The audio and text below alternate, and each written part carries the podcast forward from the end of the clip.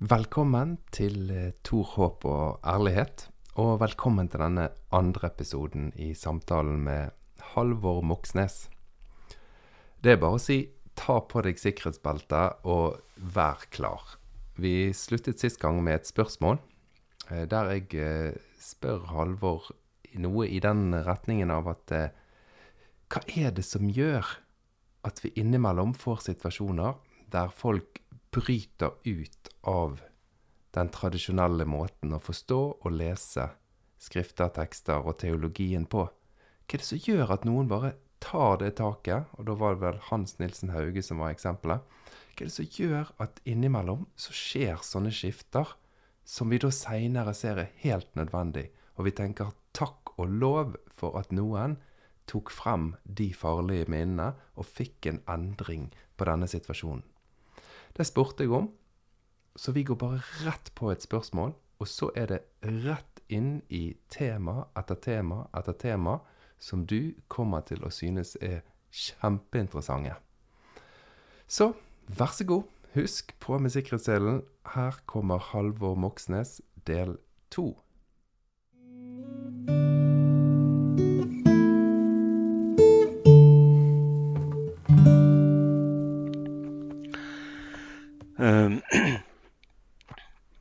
Jeg, jeg, tror nesten at det er i nødsituasjoner uh, det der uh, skjer.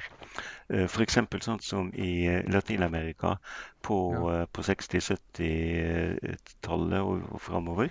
Um, så var jo den katolske kirke veldig forbundet med de diktaturene, militærdiktaturene som, eh, som da eksisterte i, i, de mange stater i Latin-Amerika.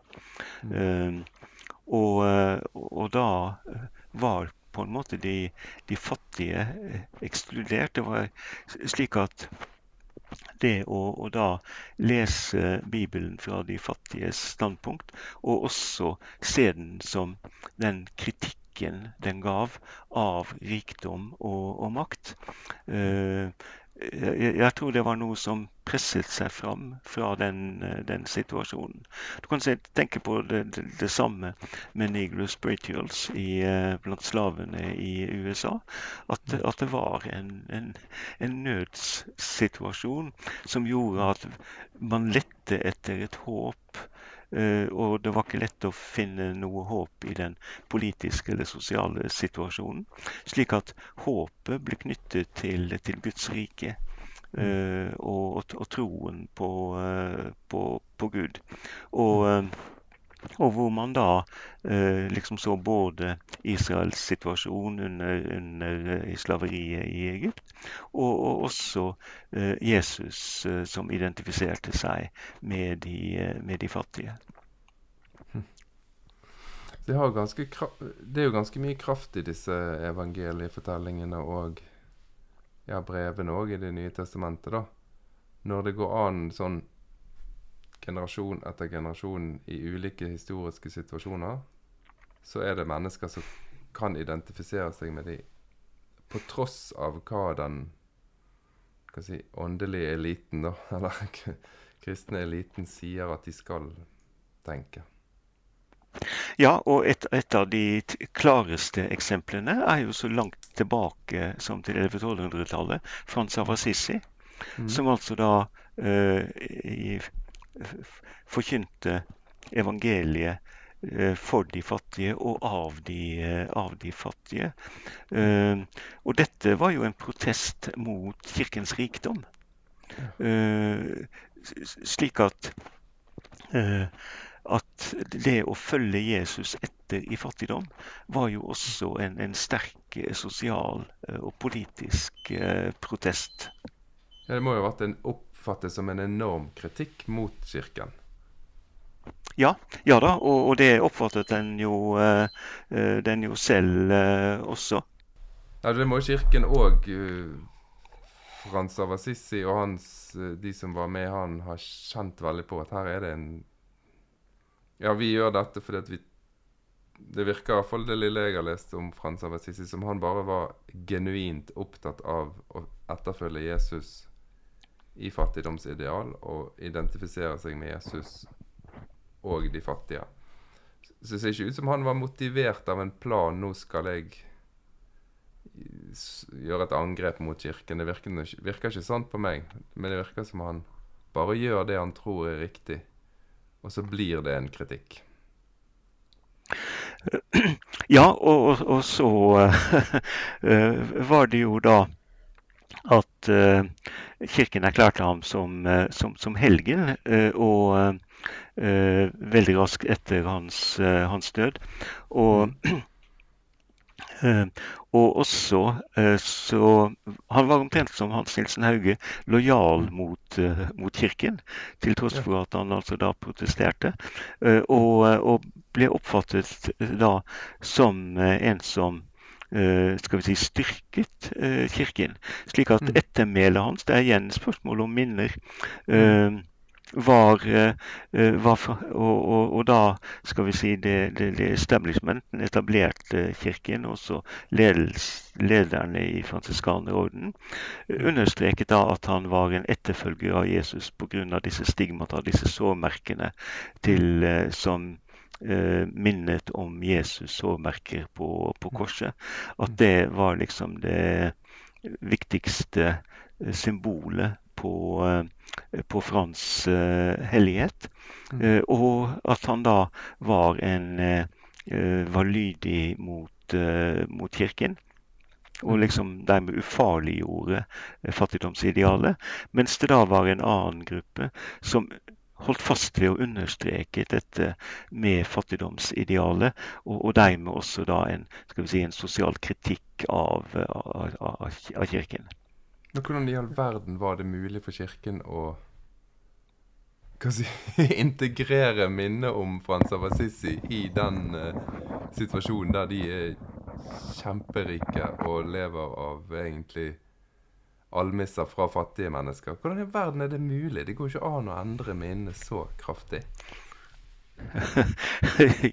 jo, jo det, det, det, klarte man. Å, å, å få til. Og f.eks. da i den, den store Franskirken eh, i Assisi, eh, hvor Giotto, som var en av middelalderens eh, fineste eh, malere, han malte vel 20 scener fra Frans liv. Uh, i, uh, oppe i den, den, kirken. Og uh, der er det bare ett bilde som viser noe om fattigdom.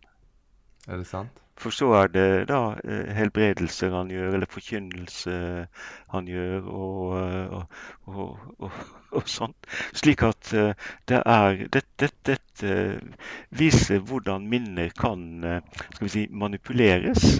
Ja, rett og slett. Ja, for det bare det å bygge en stor kirke til minne om en som var opptatt av at vi ikke skal ha store bygg. Vi, hvordan, var ikke det bare kappe og rem rundt livet og leve blant de fattige som var hans ideal? Jo da, og derfor så, så ble det jo da kritikk fra de, eh, de mest eh, skal vi si, trofaste etterfølgerne av, av Frans mot ja. å bygge en slik kirke, fordi at det, ja, det var jo helt i motstrid. Så uh, ja da, så Eh, jeg har vært på gudstjenester eh, der med ledelse av en kardinal. Og, eh, og, det var jo en sånn pomp og prakt som, som altså da var Man skulle tro var, var helt i, i, i, motstrid. Og så har man da krypten med, med graven hans. Og i museet så er det jo da utstilt en Jeg vet ikke hvor ekte det er, men, men nettopp den drakten som du beskrev, da, med tau om livet og, og sånt, som, eh, slik at eh, eh, man klarer liksom da å balansere både da dette at han var fattig, men samtidig at dette er en mektig kirke. Ja. Så vi integrerer minnene, men vi lager de til sånn at de passer med historien vi har lyst til å fortelle, da.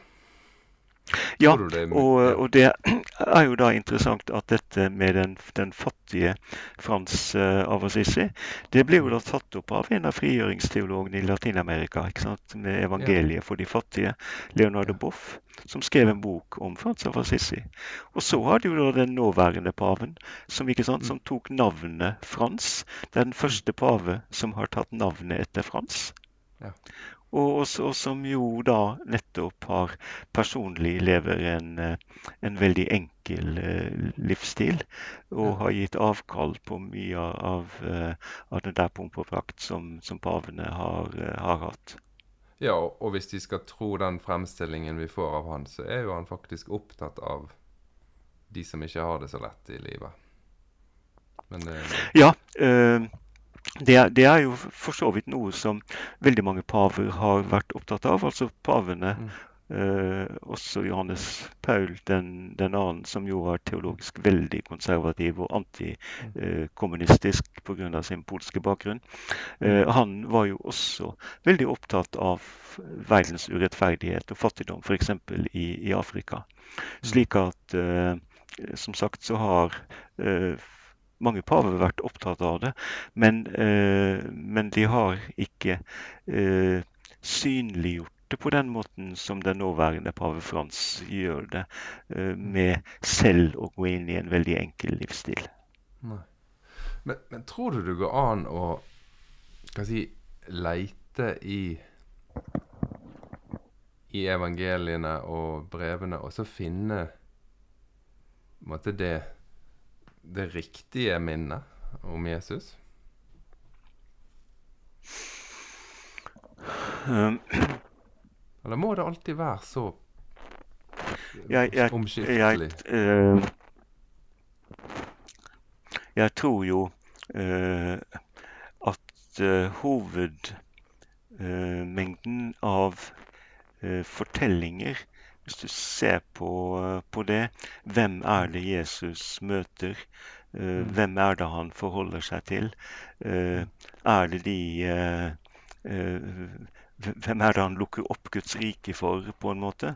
Så eh, tror jeg jo at, at bildet blir ganske klart og, og, og, og tydelig. Mm.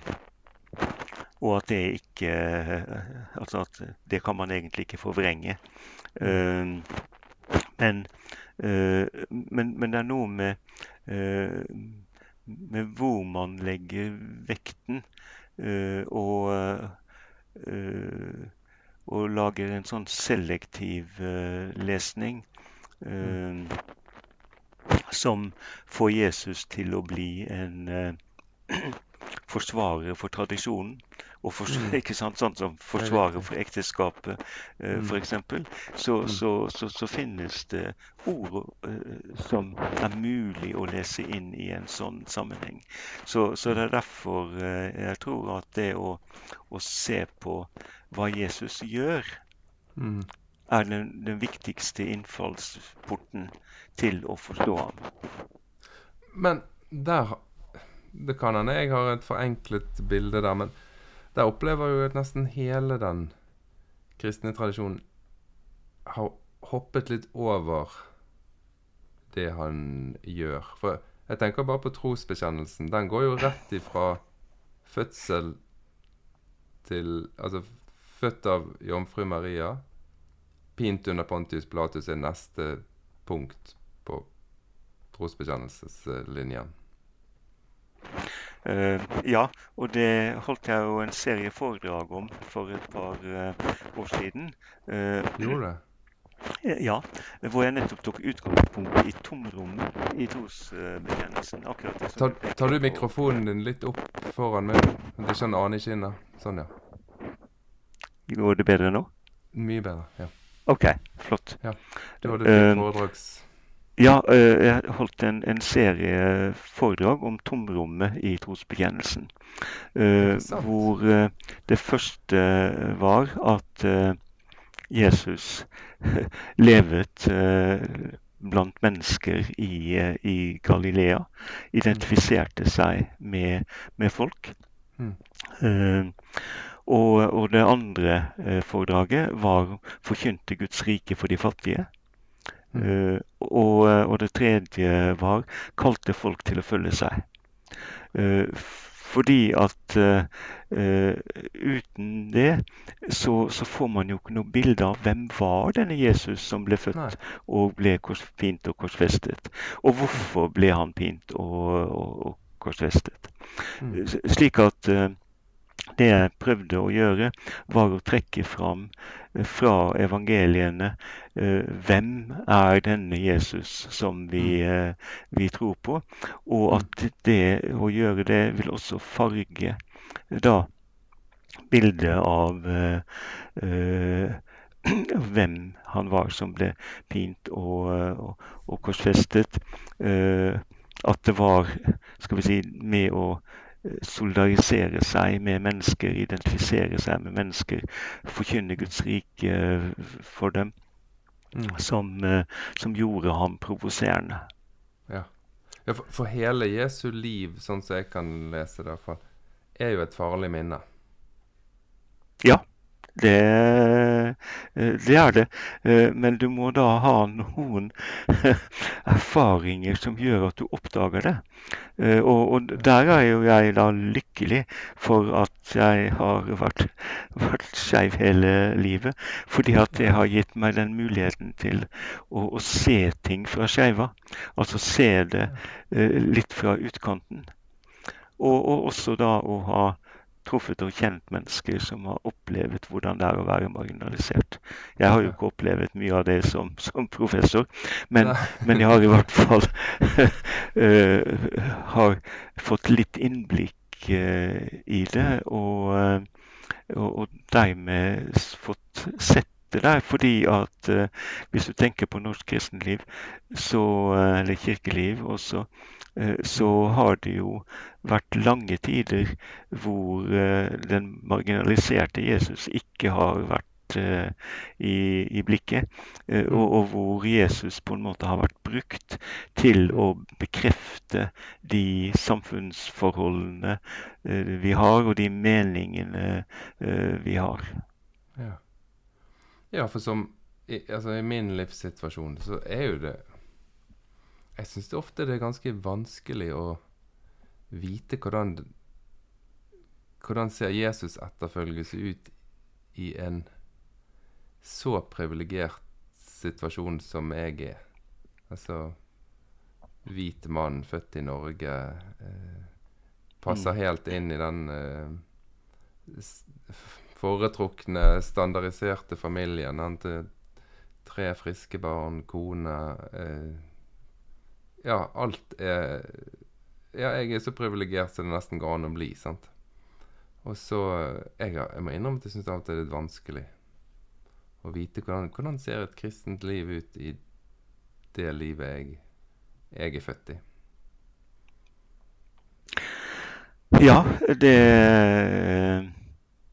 Det er ikke Det er ikke lett eh, Eh, det er jo sånn som Jesus omgikkes jo også de som var innafor i samfunnet. ikke sant?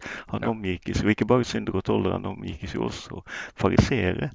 Uh, samtidig så drev han jo og utfordret dem hele tiden.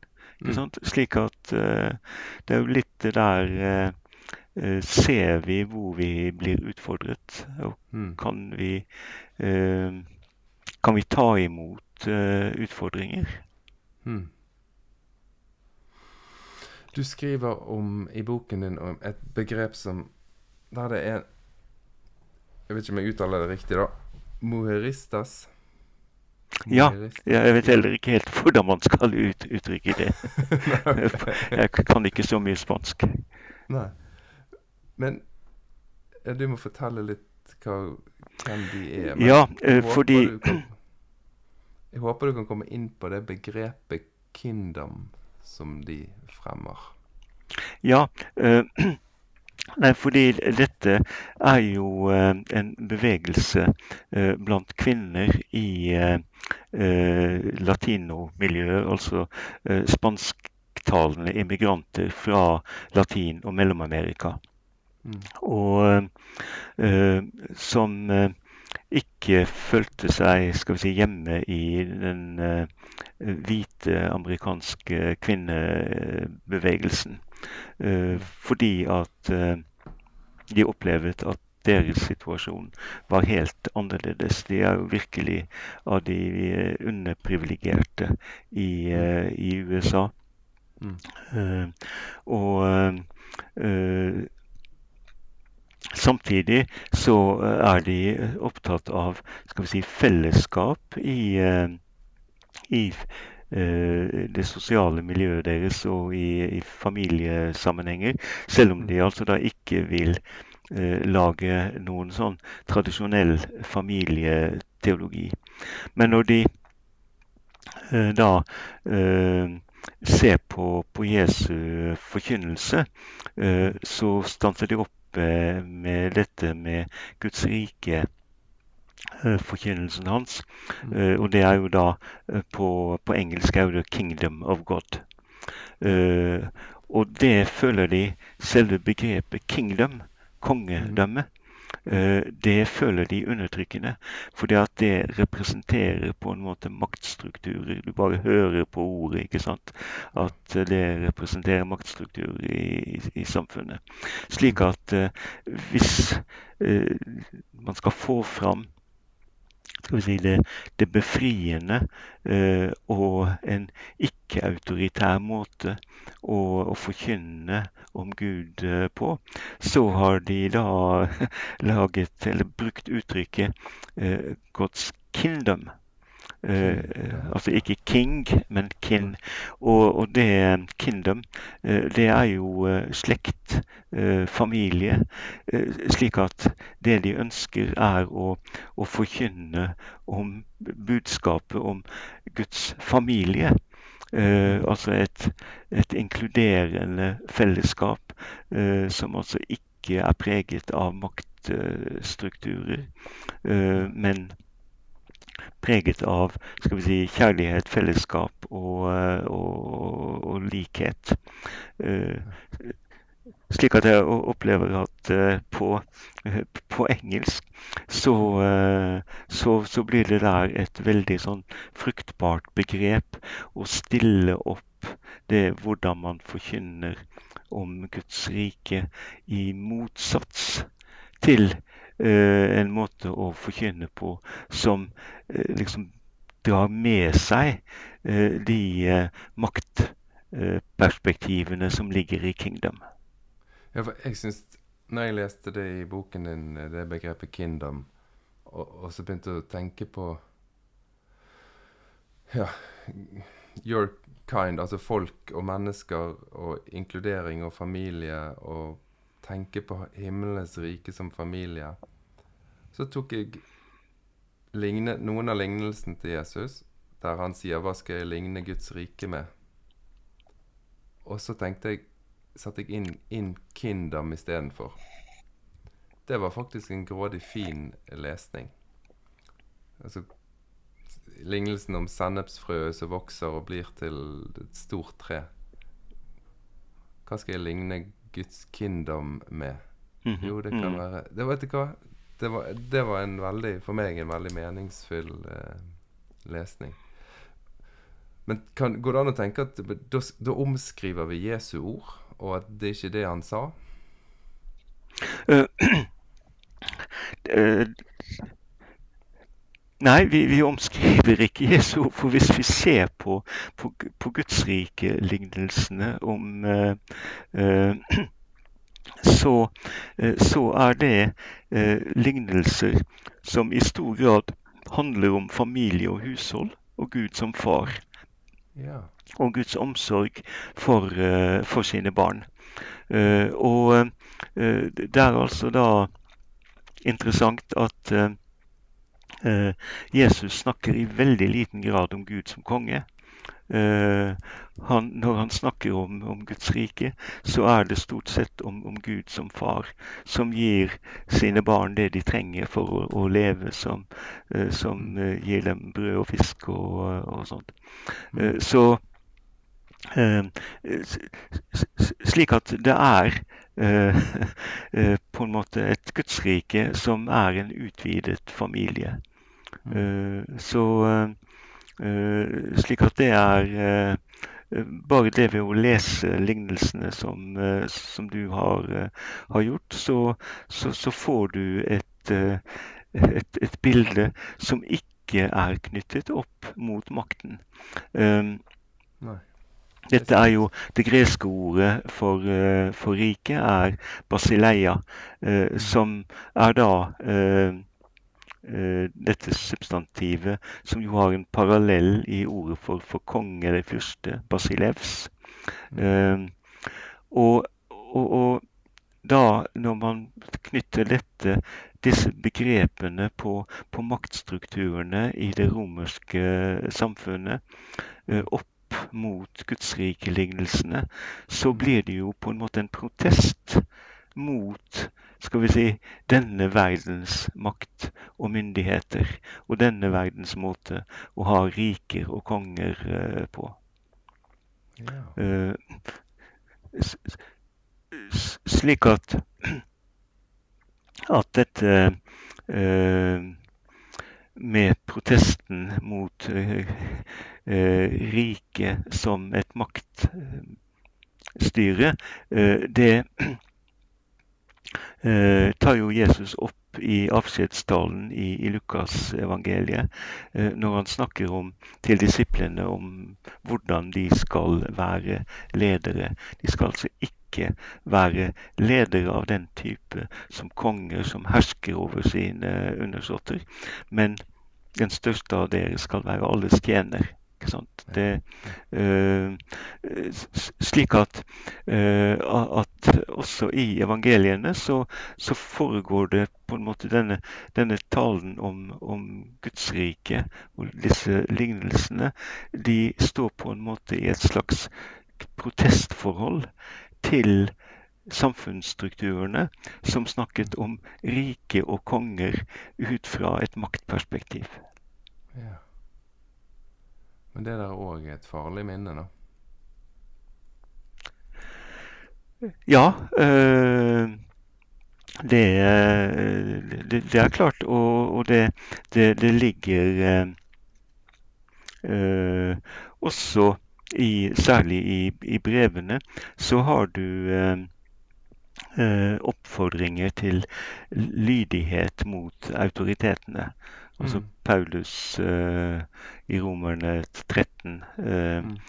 jo, ble jo ofte forstått sånn som at uh, det fins ikke noen myndighet som ikke er innsatt av Gud. Altså, mm. Og det var jo noe av det som lå i statskirkesystemet, og mm. som også gjorde det veldig vanskelig for de lutherske kirkene å ta et oppgjør med nazismen og Hitler. Mm. Fordi at de var så preget av, av, av dette at uh, man skulle være lydig mot øvrigheten.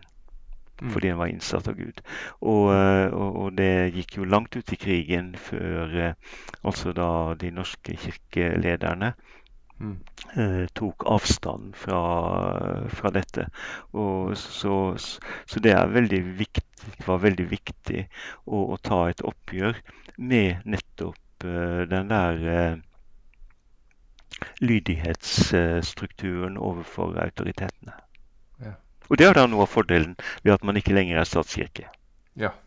Og dette blir jo bare en synsing, da. Men opplever ikke du at Den norske kirke er veldig opptatt av å prøve å finne og leve i henhold til noen av disse farlige minnene? Uh, jo, den, den, uh, uh, den, har jo virkelig gjort det og, og, i økende grad. Og, og nå mm. den, den virkelig tragiske situasjonen i Israel-Palestina igjen. Mm. Uh, der har jo uh, Kirken uh, gått bort fra liksom den der automatiske akseptasjonen av av Israel som oppfyllelse av Guds løfter og sånt, til å, å, få et mye mer kritisk syn og ta utgangspunkt i palestinernes uh, rettigheter. Altså at mm. dette er en skal vi si, moralsk og politisk vurdering. Det er ikke et spørsmål om å ha noen teologisk rett Eh, eller, eh, eller ikke. Men, men, det er å, å ta utgangspunkt i, i, de som er eh, blir urettferdig behandlet, som er de, den, den, svakeste part i, i, i dette. Så det er et av de uh, feltene hvor, uh, hvor, Den norske kirke har utviklet seg tydeligst på, på, et politisk felt. Ja, for, det er sånn det, det, Vi kan jo si det nå, sant, men jeg, jeg kan forstå at en opplevde en sånn forpliktelse, teologisk forpliktelse til å Hva si Ta israelsk side i uan, nesten uansett uh, hendelser. Uh, mens nå virker det helt absurd at du kan si at nei, etterfølgelse av Jesus, det betyr at du skal gi aksept til bombing av sivile.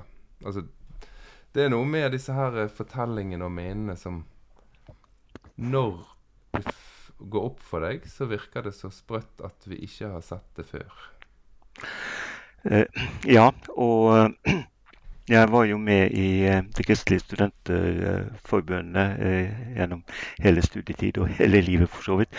Og, og var med i var i, i 79, da, det var da Begin fikk freds, og Sadat fikk fredsprisen. Og, og hvor Studenterforbundet var en av ungdomsorganisasjonene som protesterte mot det, og hvor vi startet Kristne for Palestina. Ja. som altså da var en, en, liten gruppe av kristne studenter eh, som eh, tok opp dette med urettferdigheten og undertrykkelsen av, eh, av, palestinere.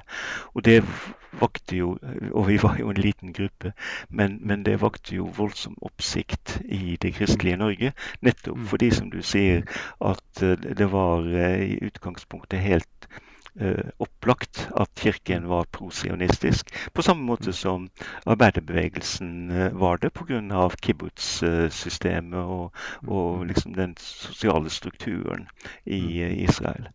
Eh, så slik at dette er, er noe som har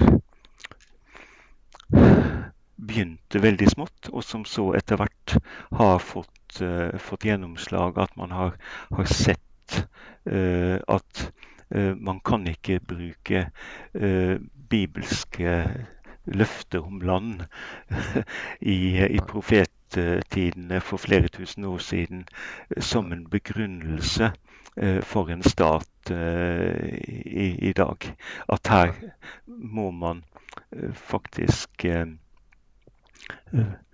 skal vi si, vurdere rettigheter eh, eh, og, og også hvordan hvordan Israel har som okkupasjonsmakt har den største forpliktelsen. Mm. Du skriver jo også om dette emnet, ikke direkte om uh, Israel-Palestina-konflikten, men du skriver om Jesus som migrant. Og da gjerne underlagt Jesus også som eh, okkupert. Uh, ja, og, og her uh, er det jo uh, faktisk da også bibelsk materiale som Og det er jo denne fortellingen om flukten til Egypt da eh, eh, barndomsfortellingen eller fødselsfortellingen i Matteusevangeliet. Om Herodes, mm. som uh, da vil forsøke å drepe Jesus. Uh, uh, mm. Dette er jo skal vi si, legendarisk stoff, men, men, i hvert fall så, mm. så er det jo en del av, av den historien at Josef mm. måtte ta med seg Josef og Jesus og Maria til, til Egypt. og og, og, og, leve der i eksil eh, til de eh, kunne komme tilbake igjen. Slik at eh, det ble brukt som et eksempel på hvordan Jesus kjente til den situasjonen som, som migranter har. Og, og, da et bilde om hvordan han da identifiserte seg med, med dem. Og det, det er da skal vi si et moderne uttrykk for uh, at hvis Jesus identifiserer seg med de svake, så er jo migrantene og flyktningene uh, det mest tydelige uh, eksempel på det i, i, i dag. Og, mm. og, og, og så tenker man også at dermed blir jo de også et bilde på, på Jesus. Uh, dette er jo litt ut fra den uh, lignelsen i kapittel 25 i, uh, i Matteusevangeliet uh, om å skille mellom bukkene og fårene på, på, dommens dag, og, og, hvor altså da Jesus sier at dere besøkte meg i fengsel, dere ga meg mat når jeg var sulten, og, og sånt. Og, mm. og, de spør når gjorde vi det? Når så vi deg i fengsel? Og, og hvor svaret da hva dere har gjort mot en av disse mine minste små, har dere gjort mot, mot meg. Slik at det er jo den, skal vi si, den tydeligste lignelsen om hvordan uh, Jesus skal vi si, går inn i situasjonen til alle som lider. Og når vi ser noen som lider, så har de på en måte Jesu ansikt. Ja, for der Jesus helt konkret identifiserer seg, han sammenstiller jo seg sjøl fullstendig med de som har det vanskelig. Det er ja. bare, dette er jo ikke bare en, liksom en sånn Hva si Påfunn, allegori, som vi lager. Dette var noe som er gjengitt som hans egen sammenligning. Da. Ja. Det er ganske sterkt. Mm. Hm. Hvorfor er vi så redd disse her farlige minnene? Uh, de, de uh, driver oss ut av komfortsonen. Uh, for vi vil jo gjerne ha rolige liv. Og, mm. og, vil jo helst ikke bli uroet. Så så jeg tror uh, derfor at uh, det, er, det, er, på en måte nødvendig at noen griper fatt i dem og uh, holder dem opp for oss. Fordi, ja, som du selv sa, så er, vi jo begge le lever i en veldig privilegert situasjon. Og, og hvis vi f.eks. skal gjøre troen så åndelig at den ikke blir uroet av sosiale, politisk eh, og økonomisk urettferdighet. Da har vi eh, eh dratt troen inn vekk fra der hvor Jesus var. Kan du til slutt si noe om hva vi vet om stedet Jesus vokste opp? Vet vi noe om Galilea? Uh, uh, vi vet jo uh, Vi vet jo litt. det ble jo da styrt av en Herodes Antipas, som uh, var innsatt av romerne som, for å, å styre uh, landet, uh, eller det om, området mm. der. Og Eh, han eh, forsøkte da å eh, si, modernisere det, eh, bygget nye byer eh, og, og, ville innføre en sånn skal vi si, helenistisk type eh, økonomi. Mm. Og, og, det var et område også med en Eh, en, en, del eh, skal vi si, helenistisk eh, innflytelse. og hvor det gikk handelsveier fra Middelhavet og innover mot, mot Syria, Damaskus og, og, og sånt. Slik at Jesus opplevde nok at, at, det var et område med, med kontakt også med, med, andre miljøer. Og det lå i en sånn grensesone eh, mot nord, opp mot eh, Fønikia, eh, og, eh, og, og, da eh, pagane, eller det man kalte hedenske eh, områder. slik at Jesus Hedenske områder? Ja. Sånn uh, at, ja, eh, okay. at, det var da ikke-jøder. At Jesus kan ha også kommet i kontakt med en, en del ikke-jøder i, uh, i, det området der. Mm. Så og, og, og, så dro han jo fra Nasaret og slo seg ned ved Genesaretsjøen i Kapernaum. Slik at det var nok mm. uh, hovedområdet uh, for ham og, uh, og, og, og disiplene. Mm. Og derfor så får vi jo en del bilder og historier fra, fra sjøen. Uh, og, og, mm. samtidig da uh, mye lignelser fra jordbruksområdet, slik at man kan på en måte se eh, hva, hva, slags type område. For det var ikke byhistorier. det virker som Jesus unngikk, unngikk, byene og var kritisk til, til, til, til byene. Ja. Men var han Tror du han vokste opp i fattigdom? Altså, var Galilea et sånn uh... Galilea var, var, ikke, var, ikke, spesielt uh, fattig, fordi at det var gode god jordbruksområder uh, også fisker. Men, uh, men, det var jo spørsmål om skattlegging, og, og, også da at det tydeligvis var i en periode med, med oppkjøp av Eh, av, av, jord av de, eh, av de rike. Eh, slik at, at, at folk ble sånn presset ned av, av skatter og, og avgifter og, og, kunne miste jorda, og, og derfor ble, ble, landløse arbeidere. Mm. og, at det da var en, en del ungdom som unge menn da, som, som forlot uh, hjemmene og, og, og, knyttet seg til si, røverbander eller små opprørsgrupper og mm. sånt oppe i, i fjellene. Ja. Um, så um, og så, uh, når vi leser evangeliene, særlig Markusevangeliet, så ser vi jo at det må ha vært veldig mye sykdom. Uh, og mm. også psykisk, det vi ville kalle psykiske problemer. Demonbesettelser og, og sånt. Mm. Bare i de tre første kapitlene av Markusevangeliet så er det vel en åtte fortellinger om sykdom, helbredelse, demoner, besettelser. og det mm.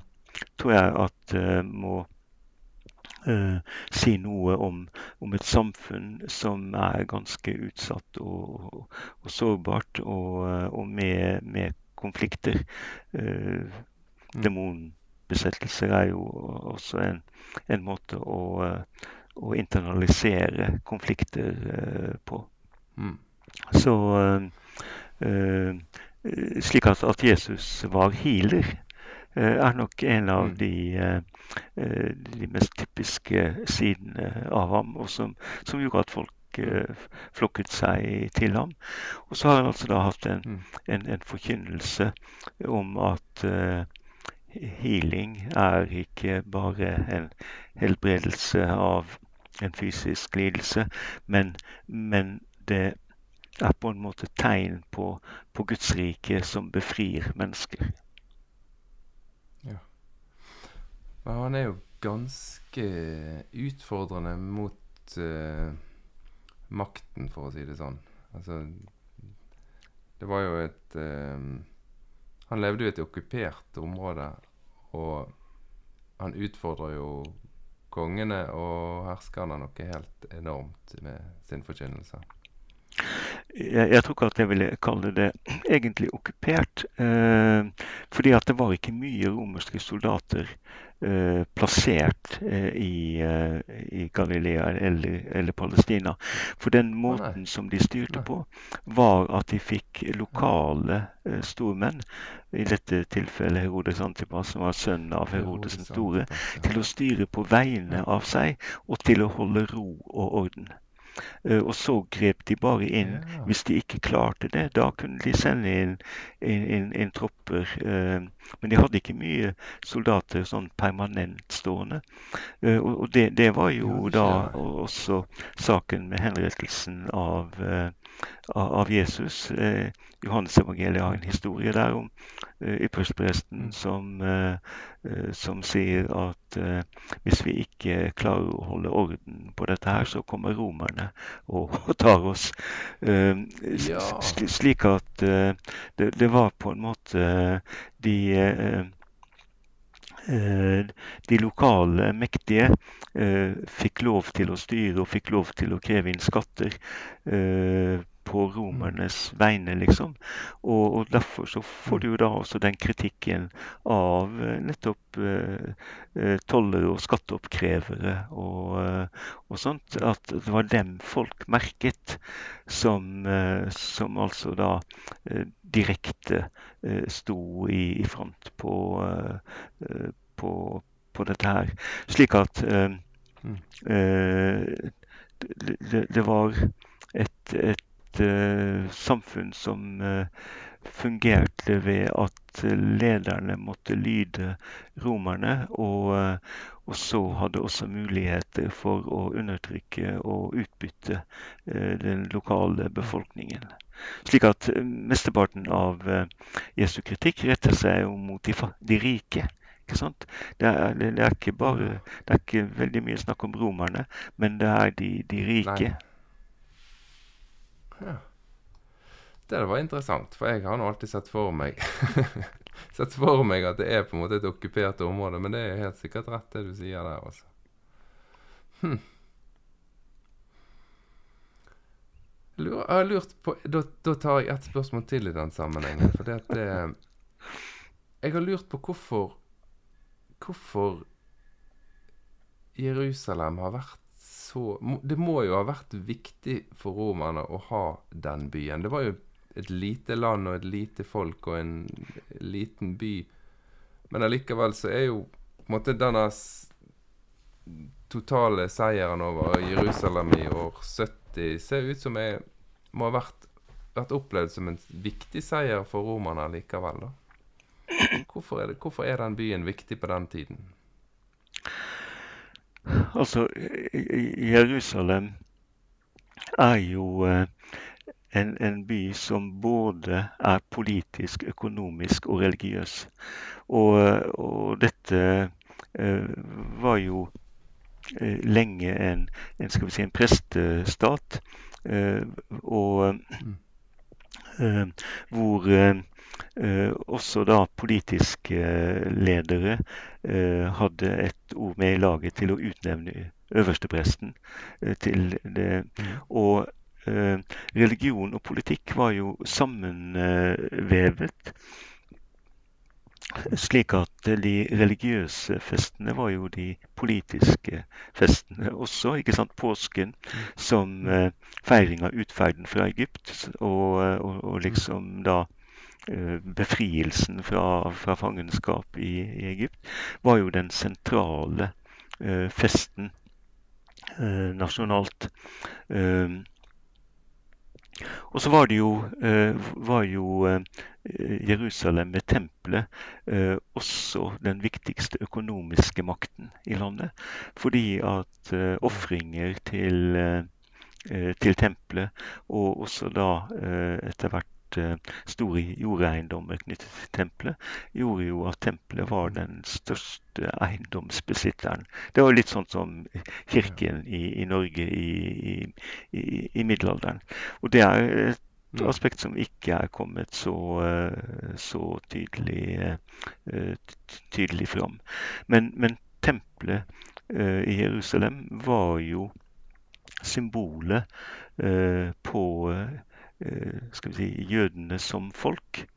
Og, og derfor så er det klart at eh, erobringen av Jerusalem og ødeleggelsen av tempelet og bortføringen av de viktigste eh, liksom sånn helligdommene i, i tempelet, eh, f.eks. Eh, da Vespasianbuen i, i, Roma, som viser relieffer hvor eh, opptoget hvor romerne feiret seieren over, uh, over jødene, bar med seg den syvarmede lysestaken, uh, f.eks. Mm. Mm. Så uh, det, det, var den, det, var den, jeg tenkte på, men jeg har helt skjønt hvorfor det skulle være så stort å overvinne et så lite folk, liksom. Men det har vi kanskje ikke en god jeg, jeg, jeg tror at Eh, at, at, det veldig mye hadde å, å gjøre med den symbolbetydningen.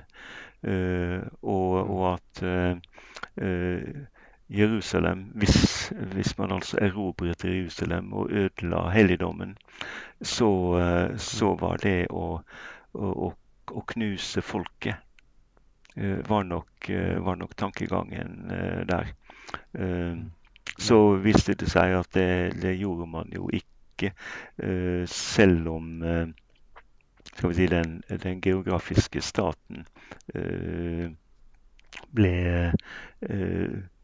ble erobret og, og, ble en del av, helt en, en del av romersk eh, administrasjon, og den ble flyttet fra Jerusalem, eh, så eh, levet jo de fleste jødene i diasporaen, ikke sant, spredt rundt omkring i hele middelhavsområdet. hadde synagogene som, som møteplasser, kunne fortsette gudstjenester der. Mm. Og Eh, og fortsatt også eh, skal vi si, opprettholde fiksjonen om at Jerusalem fremdeles eh, eksisterte. Fordi at i, mm. i Talmud, den jødiske lovsamlingen og også samlingen av, av, av religiøse tradisjonsstoff, der fortsatte de jo med å lage lovgivning om ofringer og, og, sånt, som jo var, var slutt. Men, men, de opprettholdt på en måte fiksjonen om at hvordan skulle man gjøre det. Det er helt utrolig at et folk uten land kan ha så sterk eh, nasjonal identitet. Ja. Det um, Ja. Du, vi kunne nok ha snakket veldig lenge, men nå det, har vi allerede snakket eh, to episoder her, så jeg må klippe og ordne og, og, lage til. Er det noen ting du har lyst til å legge til til slutt, som jeg, du tenker ønske du fikk med? Holdt jeg på å si. Nå tror jeg at jeg har fortalt deg alt jeg kan. det tror jeg ikke på. så, så det høres ut som et godt sted å slutte på. ja, det tror vi. Men du må ikke henge, legge på ennå, for nå skal jeg laste opp eh, opptaket fra din eh, PC. Halvor Moxnes, takk for at du enda, enda, en gang sa ja til å være med på Tor Håp og ærlighet. Tusen takk. Veldig spennende å samtale med deg.